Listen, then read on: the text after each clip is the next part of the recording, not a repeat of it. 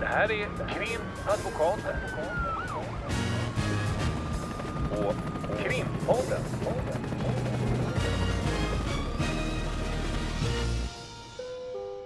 Parter och ombud kallas till sal 32. Här sitter vi i eh, sommarvärmen Högsommarvärme verkligen, otroligt. och det enda som verkar vara just nu aktuellt känns det som är ASAP Rocky. Fallet med stort A.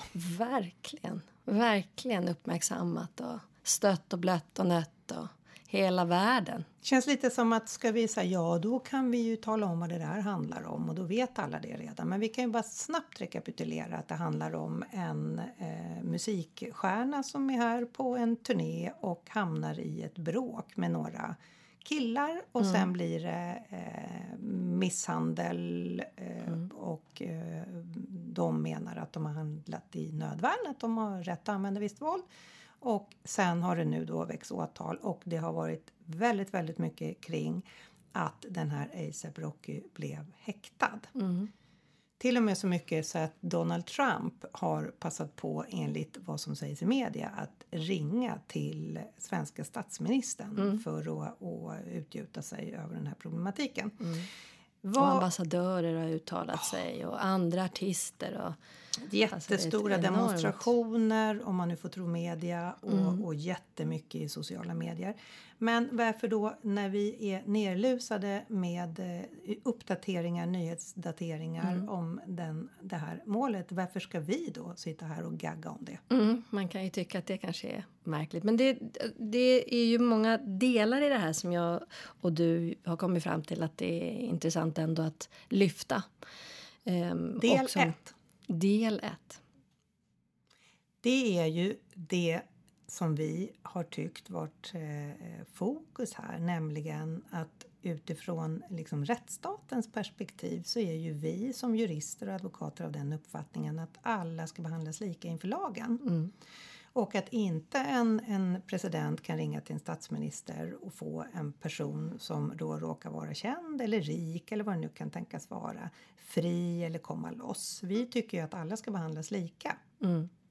Och framförallt då att inte, det har ju varit andra eh, som har försökt pressa våra politiker i olika delar och att man då ska prata med rättsväsendet och så vidare. Och här har också våra politiker varit tydliga vad som i alla fall rapporteras om med att det här går inte. Vi har ett självständigt rättsväsende som är oberoende från eh, politiker och folk i ledande Mm, och då, kan man, då, då är det ju så att eh, det är ju riksdagen som skapar lag och när den lagen är klar då ska domstolarna följa den lagen och sen så hur, hur den ska tolkas hit och dit det bestämmer ju högsta domstolen. Och då är det så att politiker kan inte eh, ringa till högsta domstolens ledamöter och säga du nu är det min kompis här som har blivit häktad för en misshandel här. Jag tycker att eh, du kan väl släppa här. Det är ju liksom fundamentan. Och den fundamentan den råder ju även i USA. Får man hoppas. Eh, det gör den ju och jag har väldigt svårt att tro att man från amerikanska domstolar skulle ha en annan uppfattning. Sen att presidenten ringer till statsministern, det får man väl se som kuriosa. Ja, kuriosa och, och som man kanske ska tolka också politiska poänger. Frågan är ju hur pass insatt man är i det svenska rättsväsendet. Det har Det förefaller ju om som att, att man inte var så där särskilt insatt eftersom det börjades eh, när den här, det här drog ju igång. Jag kommer inte ihåg när han blev häktad. Jo, det kan jag se här på åtalet som vi återkommer till sen. Han blev anhållen den 3 juli och han blev häktad då två dagar senare. Så han varit frihetsberövad sedan den 3 juli. Och då var det ju eh, väldigt mycket då i media och på sociala medier från USA om att eh, det var så väldigt konstigt att den här personen skulle sitta lite som dömd på förhand eftersom han var frihetsberövad. Och det beror ju på att de har ett helt annat system eftersom de har ett borgenssystem som inte vi har. Som kanske till och med många ibland klienter tror att det är så att man på något sätt kan ha en, ett borgenssystem i Sverige också därför att vi är så präglade av amerikansk kultur och film och så. Men det har inte vi. Nej, vi har inte det. Och, och så som det har lyfts alla aspekter av häktningsprocessen i, den, i det här hänseendet som det har varit nu så vill jag nog påstå. Så mycket har man inte diskuterat just själva hur det går till i svenskt. Jag tror precis som du säger att det är våra klienter men också svenskar i gemen. Jag tror att Mm. man, man har inte den här inblicken helt enkelt. Man vet inte att det, det är på det här sättet. Och då är det ju så att då, då så som det har blivit nu om man tänker eh, tvärtom att eh, en svensk eh, på något sätt stjärna åker över till USA och så eh, blir den personen frihetsberövad på ett eller annat sätt. Eller för den delen som hände för massa, massa år sedan med den unga killen som blev häktad i Grekland. Mm, det. Mm. Eh, Det är ju inte så, så här jätteovanligt att om en svensk blir frihetsberövad utomlands att vi tar till härifrån svensk media och svenska politiker brösttoner och säger att det här är helt förskräckligt och, och det är så dåliga förhållanden i det landet eftersom vi anser att vi är bäst. Här anser USA att det är de som är bäst och har bäst kontroll. Så att det är intressant att det sker ifrån båda håll men i just det här fallet så har det ju varit oerhört mycket media. Jag tänker också att det faktiskt är sommar. Ja, ja, det har du faktiskt rätt i. att Det är lite kanske Ja, det är lite nyhetstorka. Det har ju varit en del andra nyheter kan man tycka som... Kanske lite större nyheter. Ja, men eh, och man har också ifrån eh, håll i USA och även andra delar påstått att det här då ska ha rasistiska förtecken. Så att eh, det som har varit kring detta kan man ju också se som något dels missriktat men också oroväckande att man drar fram den typen av problematik. Att det skulle vara för att att, att det är rasistiskt helt enkelt. Att det är därför Sverige agerar på det sätt som är. Och därför, därför är det ju viktigt att man i vart fall benar ut det här med med häktningsgrunderna och, och hur det ser ut. Och då precis som du säger, det här är ju snarare, om man ska se det i den här delen, i, i det här fallet ett, dels ett tecken på att domstolen har agerat, agerar självständigt i de här bedömningarna. Och gör precis som de brukar göra. Vi har ju eh, som sagt eh, synpunkter på att det är väldigt mycket och långa häktningar. Lätt att få igenom en häktning och folk får restriktioner och allt det här. Det återkommer vi till. Men det är nog min uppfattning i alla fall när jag har följt det här fallet att eh, svenska domstolen har agerat på precis samma sätt som man hade gjort om det här hade varit någon helt annan typ av person.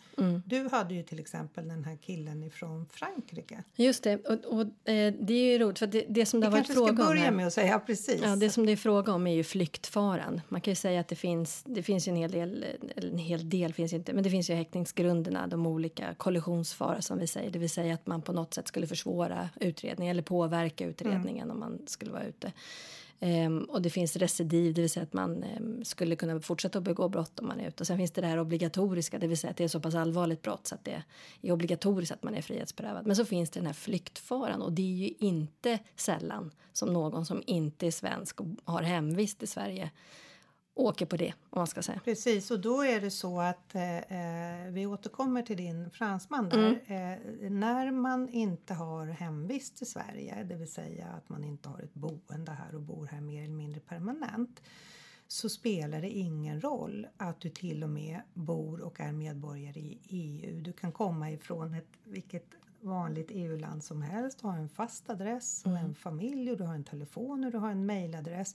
Du har allting i ditt hemland. Men då kan du ändå bli blir man oftast häktad just på det här med flyktfara. Det vill säga att domstolen, åklagaren får med domstolen på att om inte den här personen häktas så kommer den pipa ut ur landet och aldrig någonsin återvända för att vara med i en rättegång. Och det händer ju allt som oftast så fort någon inte har en hemvist i Sverige. Och det är ju precis det man har gjort här. Och nu pratar vi om en amerikansk medborgare som bor ännu längre bort från EU. Mm. Och då kan man ju säga att om man är EU-medborgare, säg att man eh, till exempel eh, tar en jacka på Åhléns, eh, säg värde 1200, så att det blir normalgraden ställda om man ska säga. Ehm, det är ju såklart kanske inte roligt för ett varuhus. Men det är ju ändå kanske inte att se som jätteallvarligt brott. Och även i, i den frågan så kan det bli att det blir på flyktfara. Precis, och då kan det vara så att personen erkänner, blivit tagen Mm. på bar gärning, erkänner. Det finns en butiksvakt som också eh, anser sig ha sett det här. Robust bevisning. Ja, redan när man sitter på häktningsförhandlingen. Mm. Och då blir det så att då ska man ändå vara häktad fast Mm. det är ganska klart vad utredningen kommer att ge. Och sen är det ju så att om man bara blir häktad kanske i två veckor för utredningen inte är något komplicerad så har ju domstolen att sätta ut målet i huvudförhandling inom ytterligare två veckor. Mm. Så worst case scenario är att man på grund av en jacka på Åhléns som man ändå erkänner och är beredd att betala och hela faderutten Mm. sitter faktiskt frihetsberövad en hel månad. Och det ska man inte glömma att det är inte något vidare trevligt att vara häktad. Nej. För att man är oerhört avskuren. Men jag är jätteintresserad av att höra om din fransman. Ja men precis, vi har sagt så mycket, det återkommer vi till så det gäller att vi kommer ihåg alla trådar också. Men min fransman, där var det fråga om eh, skadegörelse, eh, graffiti, skadegörelse. Inte så högt belopp som yrkades ersättning för. Eh, Så han två hade inte kluddat så mycket? nej, det då? var inte sån här jätte eh, sprayhistoria. Mm. Men, eh, och en hel och ren också EU-medborgare av eh, fransman med Tidigare fast ostraffad, tidigare ostraffad eh, med arbete, med bostad och på en kortare vistelse här i, på besök. Bodde i Paris. Mm. Och eh, eh, trots då den olägenhet att förlora sitt arbete, han skulle vara tillbaka om det var en måndag strax efter. Det här var precis i juletider också ja. Så att det var under Mm. Juli jul, eller jule? jul, julledigheten så att eh, det var fråga om att han då skulle bli frihetsberövad över julen. Mhm. Ehm, och det drog vi då också upp med mm, familjesituationen med barn och med, med familj i övrigt och så vidare. Och att eh, det var fråga om under den tiden då som åklagaren hade begärt. För åklagaren, jag vill nog påstå att man oftast får två veckor inledningsvis. Ehm, och att det då skulle innebära jul ehm, och även nyår, så hela, hela den typen av ledighet. Ehm, och där så ansåg man då ändå att flyktfara förelåg. Trots att man kunde lämna, jag tror vi hade, hade såklart lämnat telefonnummer och, och det fanns också en, en em, möjlighet att, att man em, förmedlade sig och talade om vad man var när man kom. Jag menar Frankrike, det, det, det, ja, så så ser det ut. Och då är det ju också det här med proportionaliteten. Det ska ju alltid vara att det är proportionerligt att hålla någon frihetsberövad. Mm. Och det här argumenterar vi ju som försvarare eh, kring alltid i en häktningsförhandling. Därför att man tänker att det är väldigt ingripande för den enskilda personen. Nu låter vi som att vi låtsas som att inga brott är allvarliga på något sätt. Men om man sätter en, en skadegörelse eh, i relation till ett frihetsberövande så eftersom det inte skulle gälla en svensk så kan man ju ändå tycka att det är skillnad då när man är svensk och inte svensk. Och då ska det vara för staten eh, mer viktigt att få ha personen frihetsberövad än vad personen själv riskerar att förlora i sin personliga situation. Arbete, relationer, lön, allt vad det nu kan tänkas vara. Det ska ju stå i proportion då att man gör det. Och det här när man argumenterar, det är väldigt sällsynt att, att man får igenom det som försvarare om det inte är så att det har gått lång, lång tid och man har suttit häktad länge, länge, länge och det visar sig att utredningen kommer att ta ytterligare flera månader i anspråk och då kan det ibland bli så att man får bäring på det. Men om vi kopplar tillbaka till eh, det här fallet som vi pratar om idag så är det ju vad jag har förstått så att han har varit häktad eller han har varit frihetsberövad sedan den 3 juli. Och vad som har gått ut i media är ju även de här filmerna. Det handlar om någon typ av nödvärnssituation. Och det handlar om, eh, påstådd från försvarets sida i alla fall, och det handlar om att det är tre personer som är åtalade för att de tillsammans i samförstånd då ska ha misshandlat en person. Och då har det ju också legat filmer ute på i sociala medier. Så alla människor kan ju sitta och titta på de här filmerna. Men om vi då eh, säger att vi tycker att det är positivt att alla människor blir behandlade lika av rättsstaten Sverige. Att de, och, dels det och att också rättsstaten visar att man är oberoende och inte påverkas av utomstående påtryckningar oavsett vilka. Mm. Det Kim Kardashian tror jag varit ute också haft någon insamling och det är någon hashtag free ASAP Rocky och så vidare och att, att man står över det och använder sig av den svenska praxisen. Men sen kan man ju givetvis och bör ha åsikter om, om den praxis som ändå är. Ja, för och det att är en annan ändå, fråga. Liksom. Ja, precis. Och det har ju också blivit så under de här veckorna att eh, Advokatsamfundets generalsekreterare har varit ute i media och velat lyfta frågan kring det här med svenska häktningar.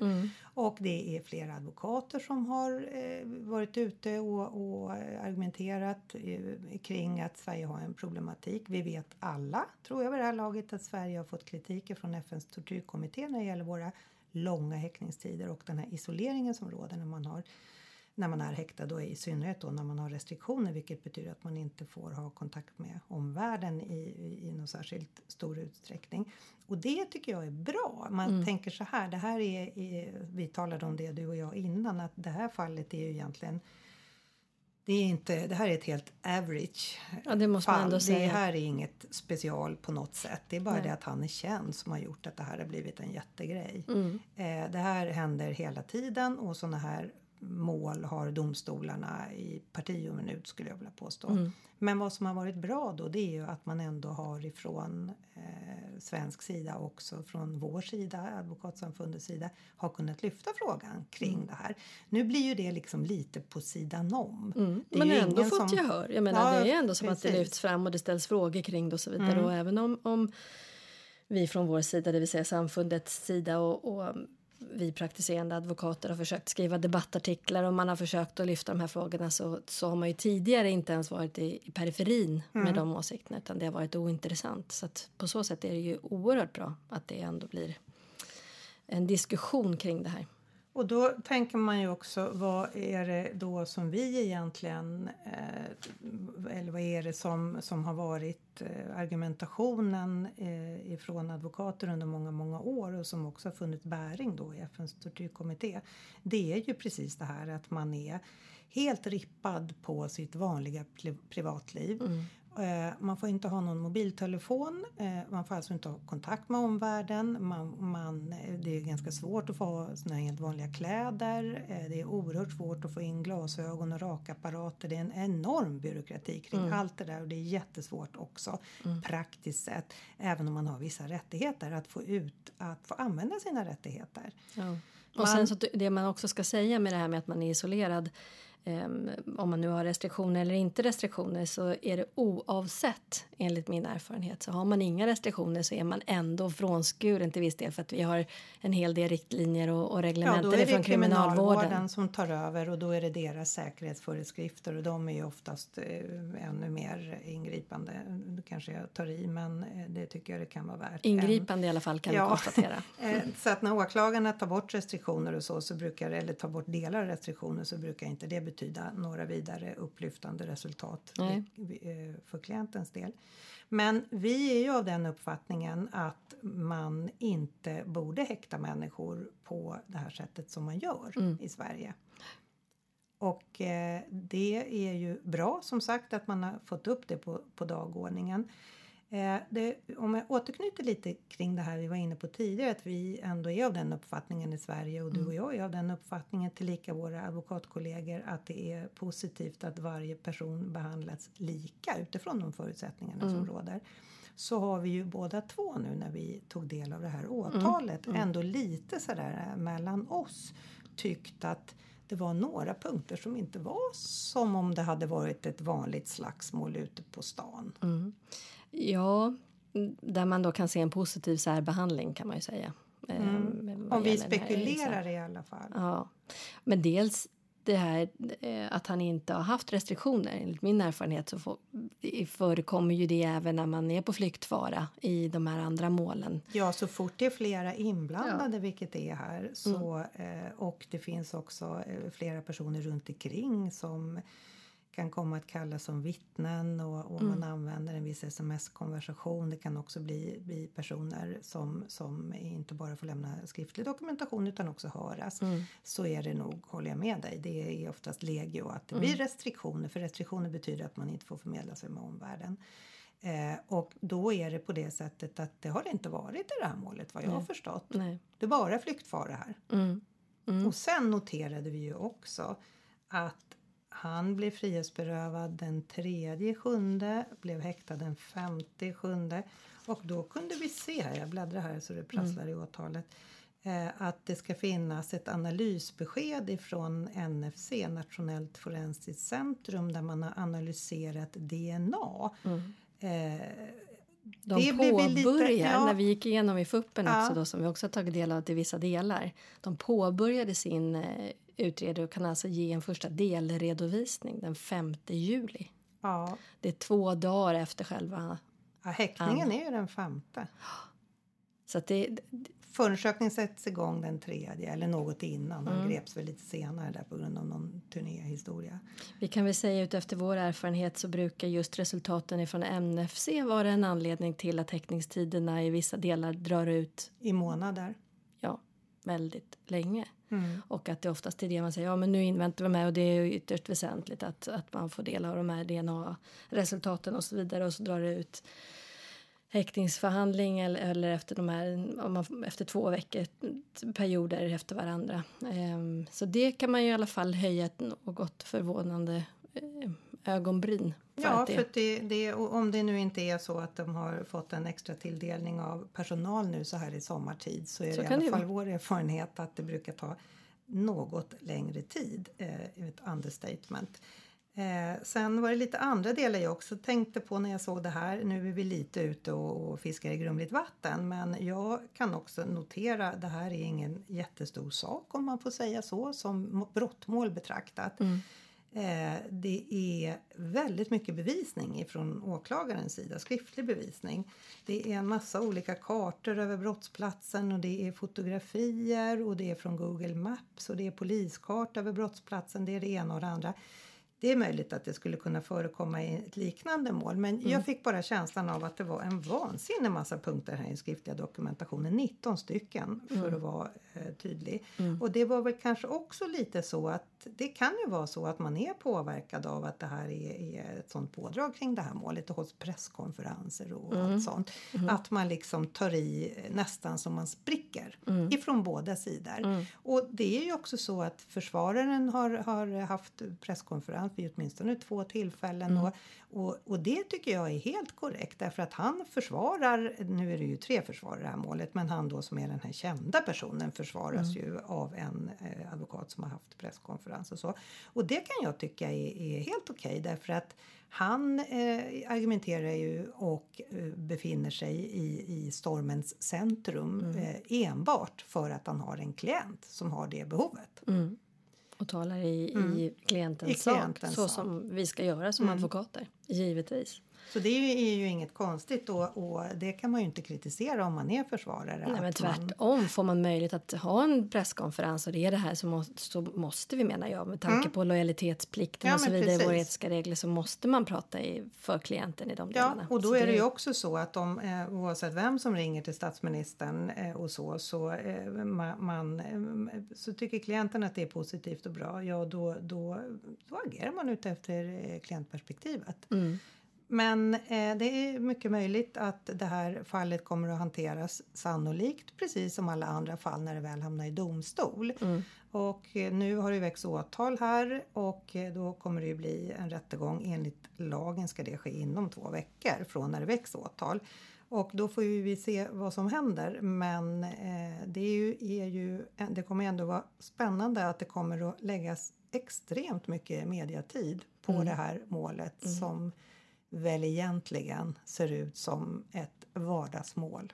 Ja, men återigen, och, och det, det tycker jag också vi måste lyfta här. Ehm, det, det vi sa att man har fått kritik och så vidare. Och man har ju också diskuterat förhållandena inne på häktet. Ehm, där det inledningsvis var kritik mot maten och det var någon, någon eh, av våra kända mm, kockar som skulle uttala sig om vilken mat man hade inne på häktet och så vidare. Och vad gäller själva förhållandena så tror jag att Det man, visar sig vara i arresten. i arresten, ja. Och där kan man ju säga att först då hamnar man i arresten, sen om man häktas är det häktet och därefter om man döms till ett fängelsestraff så är det fängelset. Och lite i den graderingen kan man väl nästan säga att förhållandena är också. Ja, arresten jag är brukar säga det till klienterna. trevligt. Nej, det är inte trevligt där. Jag brukar säga att det är grader i helvetet och just nu är du eh, i den lägre graden, du är i arresten. Och blir du häktad, eh, förhoppningsvis inte, då kommer du hamna på ett häkte och då hamnar du lite högre upp och hamnar du på en anstalt sen så är det lite bättre än så. För en arrest den delar man ju även med människor som blir gripna på gatan för de är så berusade att de inte kan gå, de ska eh, sova ruset av sig, det kräks och det ligger folk på madrasser och det brukar vara ganska halabaloo när man själv är i arresten och ska vara med på ett förhör. Mm, det så. kan skrikas och det ja, kan mycket vara... gap och skrik. absolut, och det kan också av och, det kan påverka förhållandena inne i respektive cell kan man ju säga utefter de kropps, eventuella kroppsvätskor som, som Sipprar in under sipprar dörren. In under. Ja. Men, men, nej, ehm, där är det inte roligt det är inte roligt och framför allt också där eh, så är det ju oftast utan fönster med en liten lucka på den här dörren Mm. som stängs om det inte är att det kommer mat eller att det är något meddelande. Så man är ju isolerad på ett helt, det är som att vara instängd i en mörk garderob. Liksom. Ja, det är lampa det. liksom. Ja, och är det vinter eh, så är det oftast oerhört kallt. Och är sen galonmadrass, ja, ingenting annat. Som liksom. luktar lite ingrodd kräks. Ja, det- det och så får man ingen extra filt heller därför att det finns en risk att om man får två filtar så kanske man knyter ihop filten och tar livet av sig. Så att man, man får väldigt eh, sparsamt med mat och man får sparsamt med med, med värme. Men Mm. det är ju ganska kort tid som man är i arresten. Sen upplever oftast klienterna att det är lite ett ganska högt steg till man kommer in i häktet. Där är det mycket mer ombonat och varmt. Och Mm, man kan ha sin tv på rummet. TV och man har, eh, det finns möjlighet att gå ut och ha promenad och det finns mycket mer reglerat. Mm. Och den där eh, inom citattecken euforin den kanske man har eh, i någon dag Mm. eller två innan man börjar inse att det är frihetsberövandet i sig. Mm. För då hamnar man på ett, i Stockholm, ett väldigt modernt häkte, de flesta är ombyggda och nya. Så att det nästan blir som att det blir lock i öronen när de Mm. stänger celldörren. Nu kallas det för bostadsrum då, de eh, har gjort omskrivningar där. Men då upplever man att det är frihetsberövandet i sig som är det jobbiga. Kanske inte maten eller vad det nu kan vara. Men det har vi pratat om tidigare och det får vi säkert eh, möjlighet att prata om i, i framtiden också så länge det ser ut som det gör på våra häkten idag. Ja, men också den här ovissheten då hur länge, när man väntar på resultat och så vidare, hur länge man ska sitta där. Att det bryter ner människor Ja. i vissa fall fullständigt. I vissa fall så illa så att de hamnar inom psykiatrin. Och det är också en fråga för rättssäkerheten. För bryts du ner av att du är så länge häktad då har du inte din möjlighet att försvara dig på ett bra sätt även om du har en hygglig advokat. Så är, är du själv i så kraschat läge så att dina egentliga rättigheter till en rättvis rättegång kan gå dig berövat helt enkelt, förlorat. Ja. Tänk vad eh, bra ändå med det här fallet som inte är kanske mer än, om man får uttrycka sig, vardagspotatis. Men det har ändå höjt frågan kring Sverige och våra häktningar och det är ju jättebra. Och nu ska det sättas ut till rättegång. Och sen så kommer vi se vad det blir av det här helt enkelt. Vad, vad det blir för påföljd, om det blir en påföljd och så vidare. Hur man hanterar det från domstolens sida. Det ska ju naturligtvis bli intressant mot bakgrund av eh, uppmärksamheten och hur det kommer uppmärksammas. Jag kan tänka mig att det kommer vara ett stort media uppbåd eh, runt omkring det där.